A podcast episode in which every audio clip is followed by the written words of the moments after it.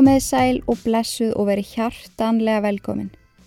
Inga Kristjáns heiti ég og þið eruð að hlusta á Sagamála podcastið Ílverk.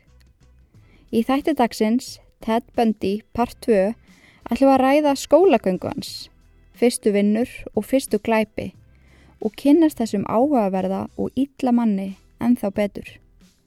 En þið þekkið þetta, þátturinn er ekki við hæfi barna og ef þú ert yngri en 6 ára þá myndi ég ekkert vera að hlusta. Eða kannski 16 ára, er kannski betra limit. En börni mín kær, áramóta þátturinn Ted Bundy partur 2, gjöru þið svo vel.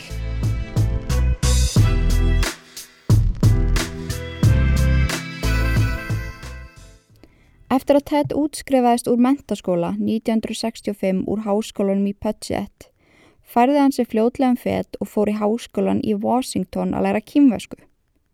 Þar kynntist hann Stephanie Brooks í skólanum og Kól fjall fyrir henni. Hann varði eiginlega heldekinn af henni og mun hrifnari heldur en hún var á honum. Snemma árið 1968 hætti hann í námi til að sapna sér pening. Hann sótti um í allskonavinnum þar á meðal á skrifstofu Nelson Rockefeller sem var þá að bjóða sér fram til fórseta. Hann vann líka sem bílstjóri og lífurður fyrir Arthur Fletcher sem var einni í framböði. Ted hafði virkilega gaman af pólitík. Hann hafði margt um hann að segja og stjórnmálamönnum fann skaman að ræða vennan unga mann. Ted fór ásand Rockefeller á ráðustefnu í Miami vegna fórsetakostningarna. Þar hafði fólk orðaði að Ted erði að fara sjálfur í pólitík og stóð hann upp úr í hópu þeirra starfsmanna sem voru með í för.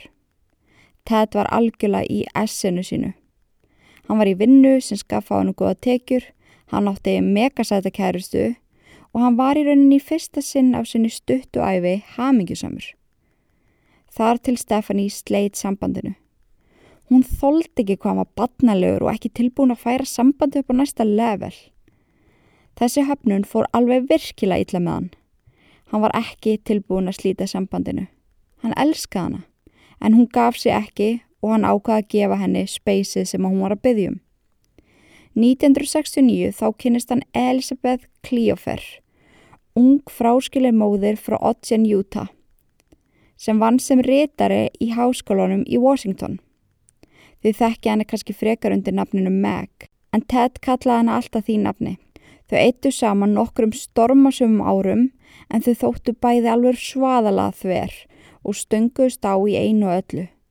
Á meðan þau voru saman fór Ted aftur í háskóla að læra sálfræði. Hann hafði gríðanlegan áhuga á námsefninu og hafði prófessorar og aðri kennar á skólans mikla mætur á honum. Þessi ungi maður áttu framtíðina fyrir sér. Engarinnar hans voru þar hæstu próf eftir próf og fekk hann fjöldan allan af viðukenningum fyrir framúsgarandi námsárangur. Árið 1971 sótti Ted um hlutastar hjá fyrirtæki sem virkar svolítið eins og vinalínan, allavega ég held það. Þið veitu hvað vinalínan er, 1717, þið getur ringt þangað ef að þið finnir fyrir vanlíðan. Ég hef gert það ofta minni æfi þegar ég þarf að tala við eitthvað og ég veit ekki alveg hvern og hvern ég á að útskýra þá, þá ringir maður þangað og fær alveg virkilega góða aðstóð. En hann fór að vinna á sveipiðum stað en þetta kallaðist Seattle Suicide Center en þetta þykir mér alveg einstaklega áhugaverður kapli í lífinast tett. En þannig er málega að ég hlusta nefnilega á hljóðbókina The Stranger Beside Me. Það er sérst Ann Rúl sem skrifar hana en ég mun koma til með að tala um Ann ótrúlega mikið í þessari Ted Bundy í þátturöð en þau kynnast einmitt í þessari vinnu á þarna Suicide Center og spáiði í því hvað er ótrúlega írónist að einn allræmdasti fjöldamorðingi heimi hafi unni við að bjarga lífi fólk talaða til og talaða af því að taka sitt eigi líf og spáiði í því hann var að hvetja fólk til dáða og það finnst mér alveg stórmagnað og gefið það líka ótrúlega góða og skýra myndaða hvað var ótrúlega mikill geðsjóklingur. En Ann Rúl lýsir Ted sem alveg stórkostlegum náunga og alveg frábærum vinn. Hún var tölvert eldri en hann og með tímanum uh, er hún farin að líta meira á hann bara svona sem litla bróðu sinn. Og þau eittu náttúrulega saman heilu nóttunum þar sem þau sátu við símanum og svöruðu fólki í neyð en Ann segir hann hafa haft alveg einstakt laga fólki nota dæmisögur úr eigin lífi til að skerpa á hvað allir eigi, hvað allir eigi von, allir geti gert sitt besta og lífið er þess verði að lifa því. Hann spurði um lífið, vonur og vendingar og skildi alltaf við fólkið með brós og vör. Það dældust einn þakklættisbref til hans frá fólki sem hafi öðlast nýtt líf eftir samtaleðra. Þetta er algjörlega magnað. 1972 útskrifast Ted með BS-gráði í sálfræði. Nokkurinn dögum eftir útskrift hafði pólitíkusinn Daniel J. Evans samband við hann og bað hann að taka þátt í frambóðus herrferð sinni sem Ted auðvitað gerði. Hans verk var að spæja um aðra menn í frambóði og taka upp það sem fór fram á frambóðsfundum og samkundum flokkana. Hann lag svo öllum þeim upplýsingum í Davis sem nýtti sér það til eigin hagsmuna. Sumi segja að það hefði verið tett að þakka að Davis síðan vannkostninguna og fastriðan þá tett sem sína hægri hönd og aðstofamann Ross Davis. Formann flokk republikana sem er annar maður, við bara bera sama hana eftirnafn. Ég var smá stund að áttum á þessu. en eins og þau heyrið þá var brála að gera hjá þetta það var ótrúlega mikið af fólki sem vildi hafa henni vinnu af því að hann var í svo miklu sambandi við prófessora í skólum sem að hann var í námi hjá. En í pólitíkinni var hann líst sem ótrúlega skýrum, ágengum og mjög efnilegum ungum manni og sögur fóru um að hann ætlaði sjálfur í frambóð en ekkert bendi til þess að hann hafi gert eitthvað alfur úr því. Ári eftir útskrift úr sálfræði sótti Ted um í laganámi í háskólanum í Utah. Hann fekk ekki nægilega hátt skor á inntökuprófinu og komst ég ekki inn. Þegar hann segir Davis frá þessu, virkilega niðurlútur og svektur, segir Davis við hann, haf þú engar ágjur Ted, ég skal græða þetta. Hann tæki ekki mál heimsku þeirra sem fóruðu prófið, að hér var á ferð verðandi lögfræðingur sem myndi ná langt.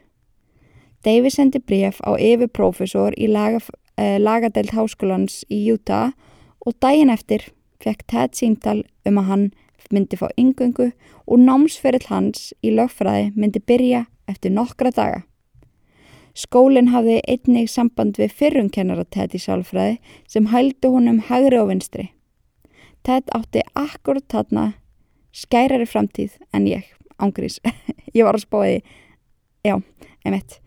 Ef að Ted hefði ekki orðið morðingi þá hefði hann orðið frekan flottu náðungi það er bara klalla þannig. En við skulum taka okkur stutta og leta pásu ná okkur í jólaöl.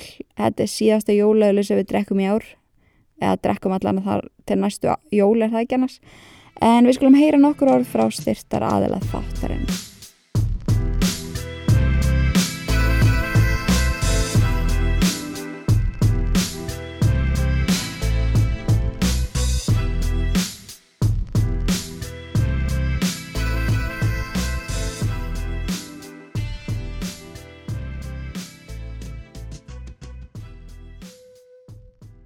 Vissið þú að með kóðanum Inga Kristjáns getur þú fengið 20% afslátt af öllu inn á blackcube.is.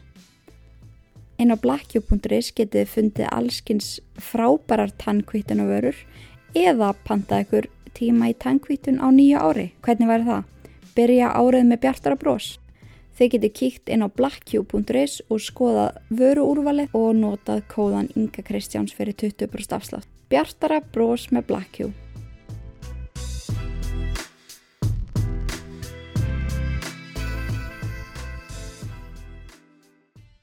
Velkomin tilbaka.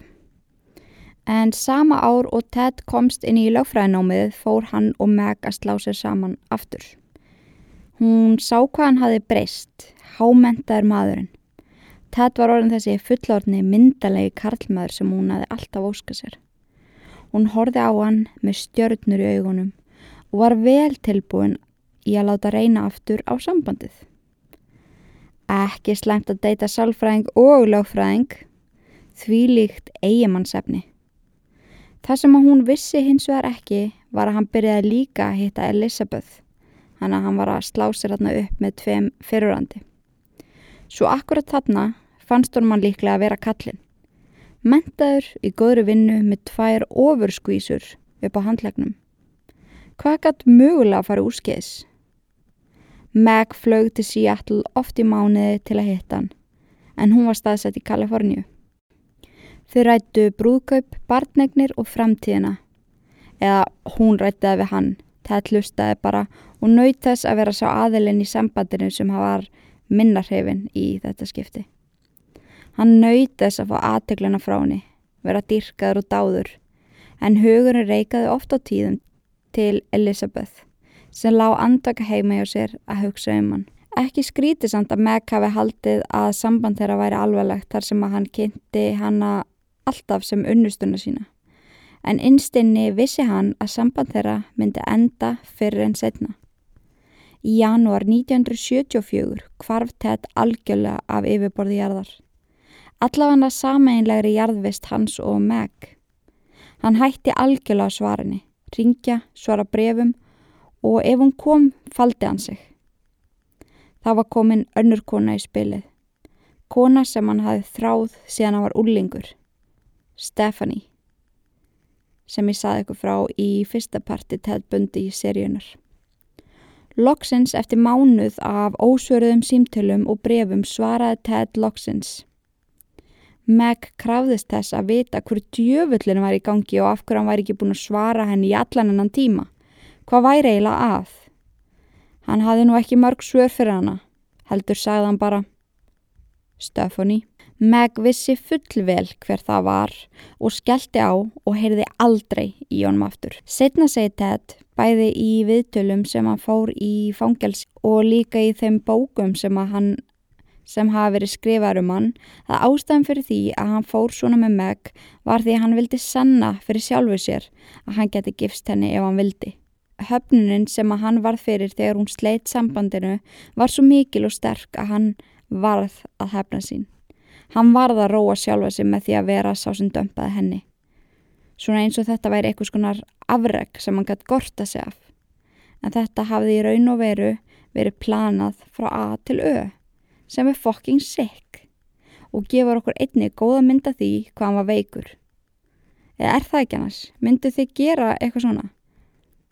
Núna er ég eitthvað mega óvist því að ég er náttúrulega alltaf að horfa á Jerry Springer þar sem ég er mjög sjálf og týpa og það besta sem ég ger á kvöldin er að borða osta og horfa Jerry Springer og þá gerast svona hlutir í rauninni dælega þar sem að þar sem að fólk er að með í takkinu og badni á kannski tíu mismunandi eða mögulega feður þannig að ég er orðin eitthvað raunveruleika fyrst en allavega finnst mér sikk að leika sér svona með tilfinningar annara og gera það vísvitandi. En í februar fóru hlutinir svo virkilega breytast hjá Ted og margir telja að sambandsleitinu við Meg, bæði höfnunin sem hann fjakk þegar hún hætti með honum og svo setni að þar sem að hann hafði yfirhöndina hafi haft þessi rosalega slæmu andlegu áhrif á hann. Því að í februar 1974 fór hann að sleppa ár tímum í láfræðinemunu. Engarinnar urðu verri með hverju vikunni sem leið og prófessorar og kennara skólans klóruð sér hausnum yfir þessu öllu saman. Hvað gekk eiginlega á hjá Ted? Þessum efnilega nefnanda sem hafði alltaf mætt, alltaf skila verkunum upp á tíu.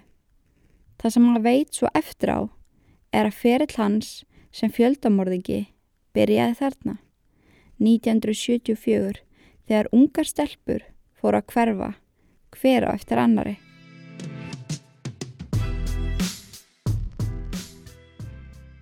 Það er ekki vita 100% hvenar hann draf fyrsta fórnalampið því eftir á var hann alltaf að breyta sögunum sínum og talaði endalust í ringi eins og honum einum á lægið en þótt hans official killingsbrí hafi byrjað 1974 er talið og í raun talið nokkuð örugt að hann hafi drefið fyrstu tvö fórnalömpin 1969 í Ocean City, New Jersey þegar hann kerði þanga til að heimsækja móðu sína.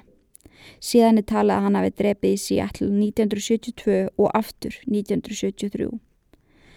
Hann var alltaf rosalega reyður þegar hann var pumpaður með þetta Hann var í setni tíð rosalega opinn með alla sína glæpu og hvernig hann framkvæmdi þá en hann hataði að tala um þennan ákveðna tíma 1969 til 1973. Af hverju var þann alltaf svona íllur þegar þessi ártöl komu upp?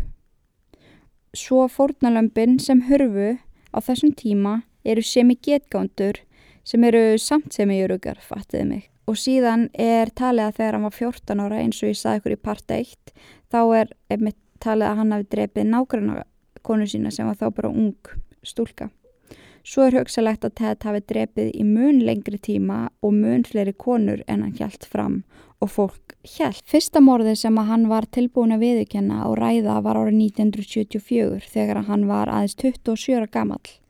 En hann segi frá því sjálfur að hann hefði verið búin að mastera hvernig þetta framkvæma hefð fullkomna morð.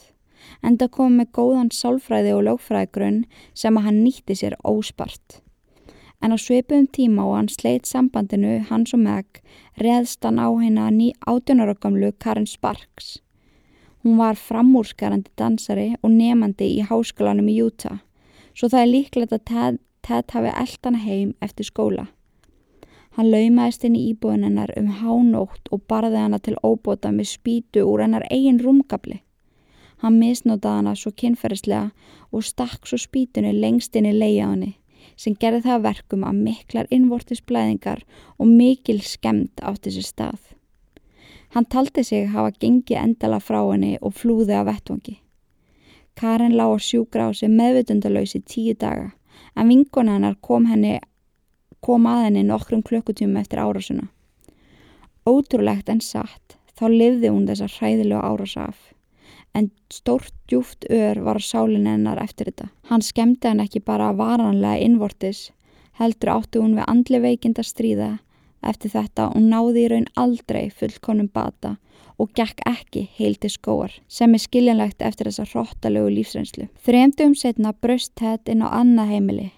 Hann smegði sér um opinn kjallaraglugga sem lág beint inn í söfnherbyggi Lindu Ann Haley sem var ný útskrifaður fjölumilafræðingur.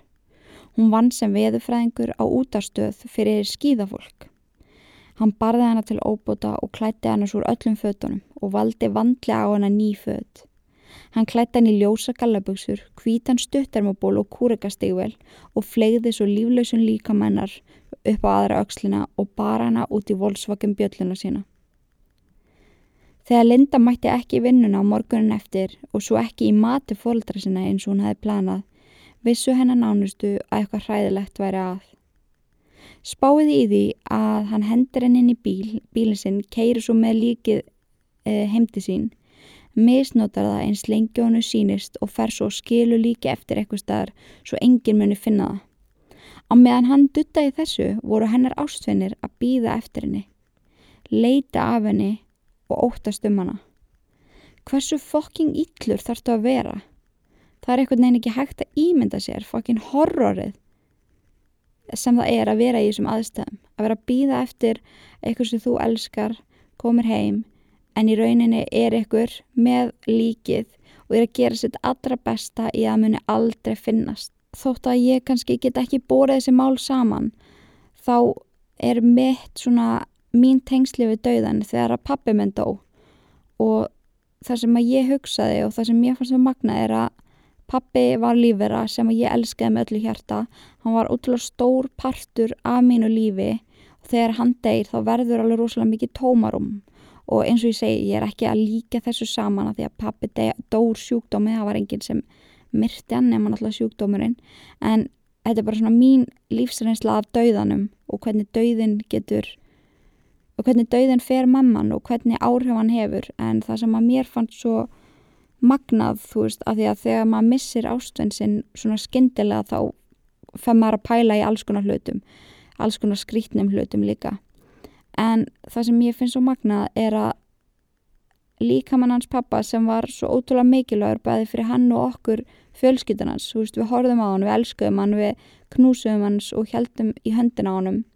Síðan deyr hann, síðan deyr pappi, hún er komið fyrir á útfarastofu, þar sem hann er geimtur í kæli eða fristi ekki kæli, eitthvað með góður uh, og síðan er líki jarðað bara ón í jörðinni. Veist, mér finnst þetta svo mögnum pæling að þessi líka með þessi sál og þessi einstaklingur sem var svona ótrúlega mikilvægur í lífin okkar og lífinu mínu sé svo bara settur hann í jörðina. Og ég fæ aldrei að sjá hann aftur. Og eins og ég segi, ég get ekki borðið þetta saman en það að ykkur skuli vísvitandi koma líki fyrir ykkur staðar þar sem að engin mun finna það á meðan manneskjöldnar sem að er að leita af þessum líka maður, æfattiði mig, þetta er svona, þetta er ótrúlega stór pæling, þetta er kannski líka mjög steikt pæling, ég veit ekki hvort ykkur mun tengja við mig, en það að líka minn á manneskunni sem að þið elskið verði allt í einu svona tilgangslaus, veist, lík það er bara falið eitthvað starf og getið af dýrum og verður svo bara á endan með beinagrind og alveg eins og þegar fólk deyr og er bara sett hann í jörðina og fara aldrei að sjá það aftur. Úr þetta eru einstaklingar sem að þeir faðmuður þetta er rosalega veraldum pæling. En ég er alveg vissum að það er einhverju njörðir hann einn á milli sem að fatta hver og við. Ég hef allavega rætt þetta við vinkunum mínar og mömmu mín og svona sem að, sem að tengja. Ég var bara að koma þess inn að því að mér finnst dauðin ótrúlega áhugaverð pæling já. Nó um það, þetta var óvart. Tíminarand um dauðan en svo við förum aftur í um, glæpina og næsta fórnalamp þá var það 10. mars 1974 að þá hverfur Donna Gail Manson 19 ára nemi í Evergreen State College. Hún hafði kvart herbyggisfélaga sinn því að hún ætlaði að skreppa á djastónleika sem fóru fram á svæðinu þar sem að skólinn var staðsettur eða on campus eins og maður segir en hún hins vegar mætti aldrei á þessa tónleika Hún kom heldur aldrei aftur upp á herbyggi sitt á vestinni. Eh, þegar hún kvarf þá er hún klætt rauð, appisnugulri og grænni röndráttu peysu sem alveg rosalega slæmt letakombo ef ég sé að fyrir með rauður, appisnugulur og grætt saman. Veit ekki með það. En hún var í grænum víðumböksum, þykkum svörtum loðpels og bar einnig ring og arband sem að besta vinkona hennar hafi gefið henni. Í sex daga var ekki líst eftir henni og það var reikna með því að hún væri bara úlingur í uppreist og fólk var alveg vistum að hún hefði bara húkað sér far og þá var mjög vanalegt að krakka sem að gerðu það væru í nokkru daga í burtu og hún myndi nú líklega skila sér á endanum. Eftir að hafa verið tínd í nokk nokkrar vekur fóru hennar nánust og hafa virkilega miklar áhyggjur en það var í raunin ekki fyrir en Ted var dæmduði dauða sem að hann viðkendi á sig morðið. Hún glýmdi við mikið þunglindi svo pælingar um sjálfsmorð voru orðnar ansi sterkar og það var, það var eitthvað neginn, þú veist, eftir að fjölskyttin hennar gafst upp og var bara svona já, þú veist, hún er ekki að fara að koma tilbaka þá voru þær álektanir um, þar fyrstu sem komu upp í höfuð á fólki. En líkið hennar fannst aldrei og ekki ennþótt þetta e, dagsins í dag. Þetta hafði gengið róla upp að henni þar sem hún gekk yfir hlaðið í 8 og jazz tónleikonum. Hann talaði rólega við hana, laug líklegast ykkur af henni og fjekk hana sjálfvilliga með sér. Hún hefur svo líklegast endað í Volkswagen bjöllinu hans eins og margar aðrar hafðu gert og áttu eftir að gera. Hann barða hana til dauða með felgujotni. En maður velti fyrir sér, hvað var þetta að gera á þessum tíma, annað en að leita sér að fórnulömpum? Það er partur af minstri fjöldamorðingja sem að vinna í svona sessjónum eða killingsbrí. Ég hef ekki hugmynd hvað orðið best að nota yfir þessa. Drápsleiðangur, drápsmarathon. Ja, þeir eru mjög duglega að benda mér á betri orð yfir hluti sem ég segja á ennsku. En já, þeir sem að vinna þetta svona eiga til að einangrast frá allt og öllum í kringu sig, hætta í mitt að mæta, vin, mæta í vinnu og mæta í skóla og öll orkan fyrir það að leita að nýju fornalampi og það dreyma um hvað þeir uh, eiga að gera næst og hvað þeim langar að gera við næstu fornalamp. En það sem er öðruvísi við Ted, ef við berum hann til dæmis saman við Jeffrey Dahmer, þá var hann ótrúlega outgoing á meðan þetta gekk á á meðan, Joff, á meðan Jeffrey lokaði sem er af þú veist það grunaði engum að Ted væri að plana íllverk daginn út og daginn inn hann misti vissulega úr skóla og fekk ekki afgóðar enganir og hann hafði alltaf gert en hann náði einhvern veginn alltaf að tala sér út úr útrúsu. Hann var algjör fokking snillingur í kæftinum og hann, hann var algjör fokking snillingur í kæftinum og hann var einn af þeim sem gæti tala, tala endalaust og þú nendir actually að hlusta á hann þar sem hann hljómar eins og aldagamall viskubrunnur og það sem hann sagði var áhugavert. En ég fæ til dæmis mjög svipa væp af honum og ég fæ, fra, uh, fæ fyrir Jeffrey Dahmer. Báður ótrúlega fín náungar fyrir utan allt ógeð sem þeir voru síðan að gera en þeir voru finnir, klárir, málefnilegir, myndalegir og það kemur mér því ekki óvart að þeir sem að stóðu Ted næst hafði ekki hugmynd um allt sem var í gangi. Fyrir þeim var hann bara gamlei góði og klári Ted. En hann eitti ótrúlum tíma í endalösan akstur á gamla bylnum sínum og megin ástæða fyrir velgengni hans í þessum dráps marathónum sem hann tók var þessi endalösi akstur. Fólk tengdi mannskörfin nefnilega ekki saman og ekki við einhvern einn mann því að þau voru að eiga sér stað í mismandi fylgjum og bæjum sem gerði það verkum að hann komst upp með þetta í allt og langan tíma.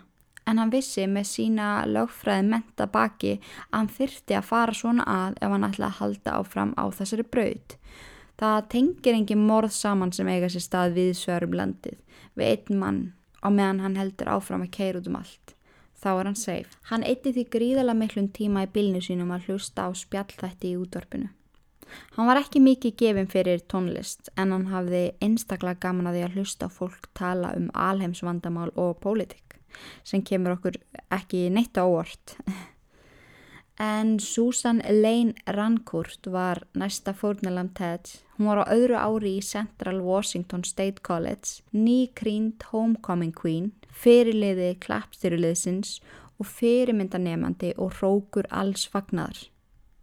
Þann 17. april 1974 fór hún á kvöldfund en hún ætlaði að sækja um stöðu gangastjóra því henni vantaði auka penning og hún taldi að þetta var ansið þægilegt starf þar sem hún bjó á staðnum og gaf því nota frítíma sinn í að sinna starfinu. Eftir að fundi var lokið, kvatti hún fundagæsti og hjælt aftur upp á herbygisitt sem var aðeins í mínútna göngufjalla. Susan sást aldrei aftur. Þegar rannsókn á kvarfi hennar fór fram var rætt við hvern og einasta nefndaskólans og náttúrulega þá sem voru með henni á fundinum en það var einhvern veginn ekkert merkilegt sem kom í ljós fyrir nefn tvær ungar og fallega stúlkur stegu fram. Er sögðu frá ungum og myndalög manni með fatla á hægri hönd á gildri eða ljósbrútni Volkswagen Bjöllu. Hann sagðist að sækja bækur og ferja þær í bílinn sinn. Hvort það væri möguleiki að þær gætu nokkuð hjálpa hann. Þær sögðu lauruglega að ónóta tilfinning hafi farið um þar og þær, og þær sögðu mennunum að þær væri á megar hraðferð og gæti ekki hjálpa hann. Þær tóku þá fram að vanalega hefðu þær alveg hjálpað en það var bara eitthvað vena mann sem að trublaði þær. Þóttan hafi verið útrúlega myndalegur og sjarmerandi. Nokkrum dögum eftir að þeir stegu fram eða þann 7. mæ 1974 kvarf Roberta Kathleen Parks en hún hafi brúðið sér af heimavistinni því að hún ætlaði að hitta vinið sína í Memorial Union kaffehúsin í Portland. Hún hins vegar mætti aldrei á hittingin. Þar sem kvarfin átti sér stað viðsvegarum bandaríkin var ekki tengtu saman. Það var samt óneitanlega margt í líkt í, fa líkt í farið stúlknana sem hurfu hverja eftir annari. Þær voru allar í kringum tvítugt, fallegar, nefnendur, dökkarðar með skipti miðju og ef þið skoðu myndir af fórnalömpum TEDs sjáu þið hvað ég á við. Það sem er magnaðast við það, það sem er magnaðast við þetta allt saman er að Meg, svo sem hafi fokkað upp sjálfströsti TED, fyrirverandi kærastan hans og svo sem átti, eftir að hafa mest áhrif á lífans, bæði á neikvæðan og jákvæðan hátt. Hún var falleg, mentuð, dökkarð með skipti miðju. Svo óneitanlega reykar, svo óneitanlega reykar hugurinn þangað að undirlikjandi ástæða fyrir þessu öllu saman hafi verið meg. Eða kannski ekki ástæðan fyrir þessu, heldur rótina því sem að tryggjara þessa hegðun hjá Ted. 1. júni 1974 var hinn 22 ára gamla Brenda Carol Ball á leiðinni á tónleika í Búriun, Washington. Hún hins, hún hins verð sást aldrei framar. Síðasta sem sást á henni var að tali úti á bílarplani fyrir utan fljóvillin að tala við ungan dökkra mann en hún þurfti að taka innanlands, innanlandsflug til þess að fara á tónleikana. E, það sem er svo magnað og fær mann til að segja litli heimur var að Ann Rúl, konan sem vann með Ted á vinalínunni og eina hans bestu vinkonum, þekkti þessa stelpu persónlega. Hún lísti henni sem dásanleiri stelpu sem lísti upp herbyggi þegar hún gekk inn. Stór brún augu sem voru fulla lífi og skjanna kvítt og stort brós. Tíu dögum síðar hvarf George Mann Hawkins og já það er stelpuna, ég tjekkaði. Ég var bara, uh, er Ted farin að drepa stráka? En nei, þetta er sem segja stúlku og strákanab en hún eins og nánast allir hinnar var háskólanemi. Bjó í svona sistrafélagi og átti kærasta on campus en bjó sem að bjó í herbyggi á vistinni. Klukkan var sjömorgun og hún var að rölda frá herbyggi kærastans og heimtisins. Það voru um 20 skref þarna milli og leiðin var upplýst allalegina. Hvarf hennar var framann á öllum dagblöðum og vonast var til að einhver hafði séð einhvað. Eitthvað óvanlegt sem stóð upp úr. Það stegu nokkur vitni fram og sögðu frá því sama. Ungur myndalegu maður á hægjum sem vantaði hjálp við að bera hluti úr gilda volksokkum bítulbílun sínu. Á þessu tímabili, á þessu tímabili eða í júni-júli 1974 var Ted í hlutastarfi hjá öðru svona vinalínu fyrirtæki, Seattle Crime Prevention og á ég að segja ykkur á hvað deltan vann. Nei, þetta er bara svo stórkoslega undalegt að já ekki orð. Hann svaraði konum sem hafðu verið nöðgat og vissu ekki hvað er átt að gera og hvert er átt að snúa sér. Ha? Hann gaf hjarta sitt í þetta starf og fjekk en svo fyrir vinnustaf fullt af brefum, full af þakklæti fyrir hjálpina og ráðin. Þannig ef við setjum þetta eins upp á svört og hvítu, þá var hann að hjálpa nöðgunar fórnulömpum með næstu skref á meðan hann var sjálfur að drepa og nöðka konum. Já, þetta er nákvæmlega eins mikil horror og þetta hljómar. Á þessum vinnustad kynist hann Karol Ann Bone sem er líklega kunnulegt nafn fyrir það sem þekkja þetta mál en hún var tvífráskilin ungmóðir og fóru þau að deyta. Og Ted sá fljótt að þetta væri kona sem ætti eftir að spila mikilvægan part í lífinans.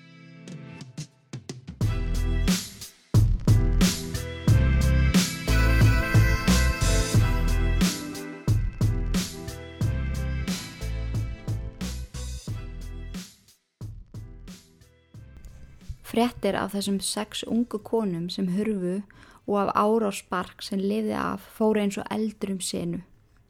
Þótt að væri kannski ekki búið að tengja málinn saman þá gerði fólk sig grein fyrir því að hætta væri á ferðinni. Það að húka sér far snar mingaði þar sem unga stúlkur óttuðust um lífsitt. Lauruglefuvöld gátt ekki gefið út neinar upplýsingar til að róa fólk þar sem að þeir höfðu engar upplýsingar. Engin sönnunagögn eða vísbendingar. Það var ekkert til staðar, nema líkindin á milli fórnalampana og hvernig körfin áttu sér stað. Stúlkunar hurfu allara nætulagi, nálægt háskalanum eða bókstala á háskala lóðinni þar sem að stúlkunar voru heimavist, yfirleitt í miðri prófatörn, svo að allt leiti út fyrir það að morðingin vissi hvað væri að gerast í skólakerfinu og væri vel inn í þeim málum. Það hafi komið upp oftar en einu sinu og oftar en tvísvar sjónir af þessum unga dökkara manni sem var annarkort með gifs eða hægjur á gildum eða ljósbrúnum Volkswagen Beetle. 14. júni 1974 heldur svo ósköpin áfram. Það var hábjartu dagur, sólinn skein og allir voru léttklættir og kátir með hennan fallega sömadag. En þennan dag var ennin stúlkan sem var tekin af yfirborði jarðar. Það góða er við þetta þótt að þetta sé ekki gott mál þá er það kannski smá jákvæmt að fjórar vinkona hennar auððu vittni af því þegar Ted lokkaði hennar með sér. Hann var klættur skjanna kvítum stuttar með ból og stöpbuksum. Svolítið klættur eins og hann væri að fara að spila tennis. Og ótrúlegt en satt þá var hann með hægri höndina í fatla. Hann hafði góðan og skýran orðaforða og stelpina gískuð á að hann væri breskur. Þar heyrði hann líka að kynna sig. Hey girls, I'm Ted og baðar um að hjálpa sér að sækja bát sem var bundun upp á þak bílsins en hann ætlaði að fara með hann nýra strönd. Fjórar af stelpunum sögðust ekki á tíma en einir að flissaði til vinkvenna sinna og pískraði. He's cute. Hún samþekti að koma hjálpunum og þegar þau hafðu gengið í svolítinn spöl komuð þau auðga á bílinn og Denise sá að það var engin bátur og fekk þessa óþægilegu tilfinningu og ákvaða að hlaupa í burtu frá Ted aftur til vinkvenna sinna sem töldi henni trúum að hann hefði bara verið að reyna við hana. Þær gerðu ekki meira málur þessu nema þegar þær voru svo spurðar út í máli nokkrum dögum síðar. Það sem Ted notaðist við nákvæmlega sömu taktík á hérna 19 ára gamlu Dennis Maria sem var á þessum tíma að læra forritun í háskólanum. Hún var í lautaferð með vinkonum.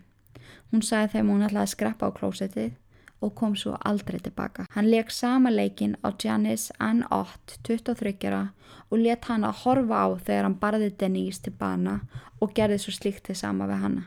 Losaði sig svo við líkin og hjælt aftur út í frelsið. Hæ, þetta er Ted. Getur nokkuð hjálpa mér?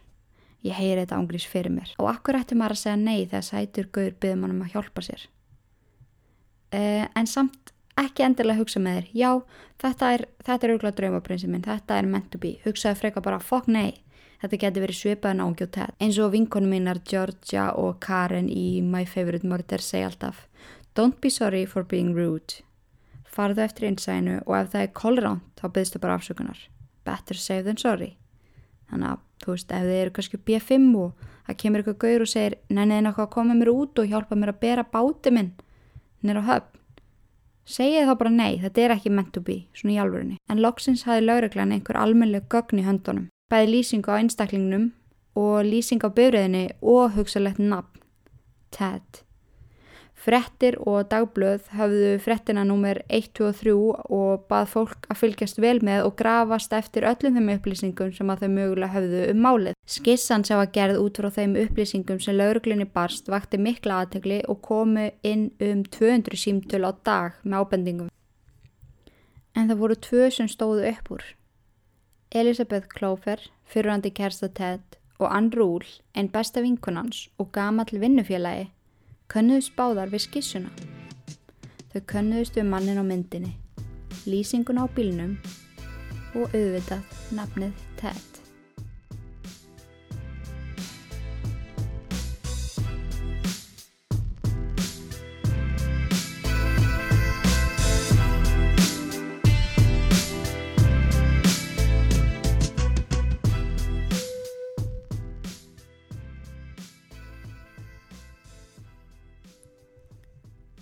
Jæja börni mín, nú er partu 2 af Ted Bundy þáttaræðinni senn á enda. Líkt og þetta árs, 2019 er búið eftir aðeins nokkra klukkutíma og vil ég segja ykkur hversu ótrúlega þakklátt ég er að fá að eigða tíma með ykkur eða kannski frekar eigða tíma í eironum á ykkur á liðin ári og ég hlakka til að eigða ennþá meiri tíma í eironum ykkar á nýja ári og hver veit nema ég fá að hitta ykkur á einhvers konar samkundu sem verður mögulega á vegum ílverk. Ú, áramóta lindamál. En svo verður ílverk náttúrulega einsás þann 17. januar er ég nokkuð vissum að það sé rétt dagsinning, það er allavega í janúar og þá gerum við eitthvað mega skemmtilegt saman.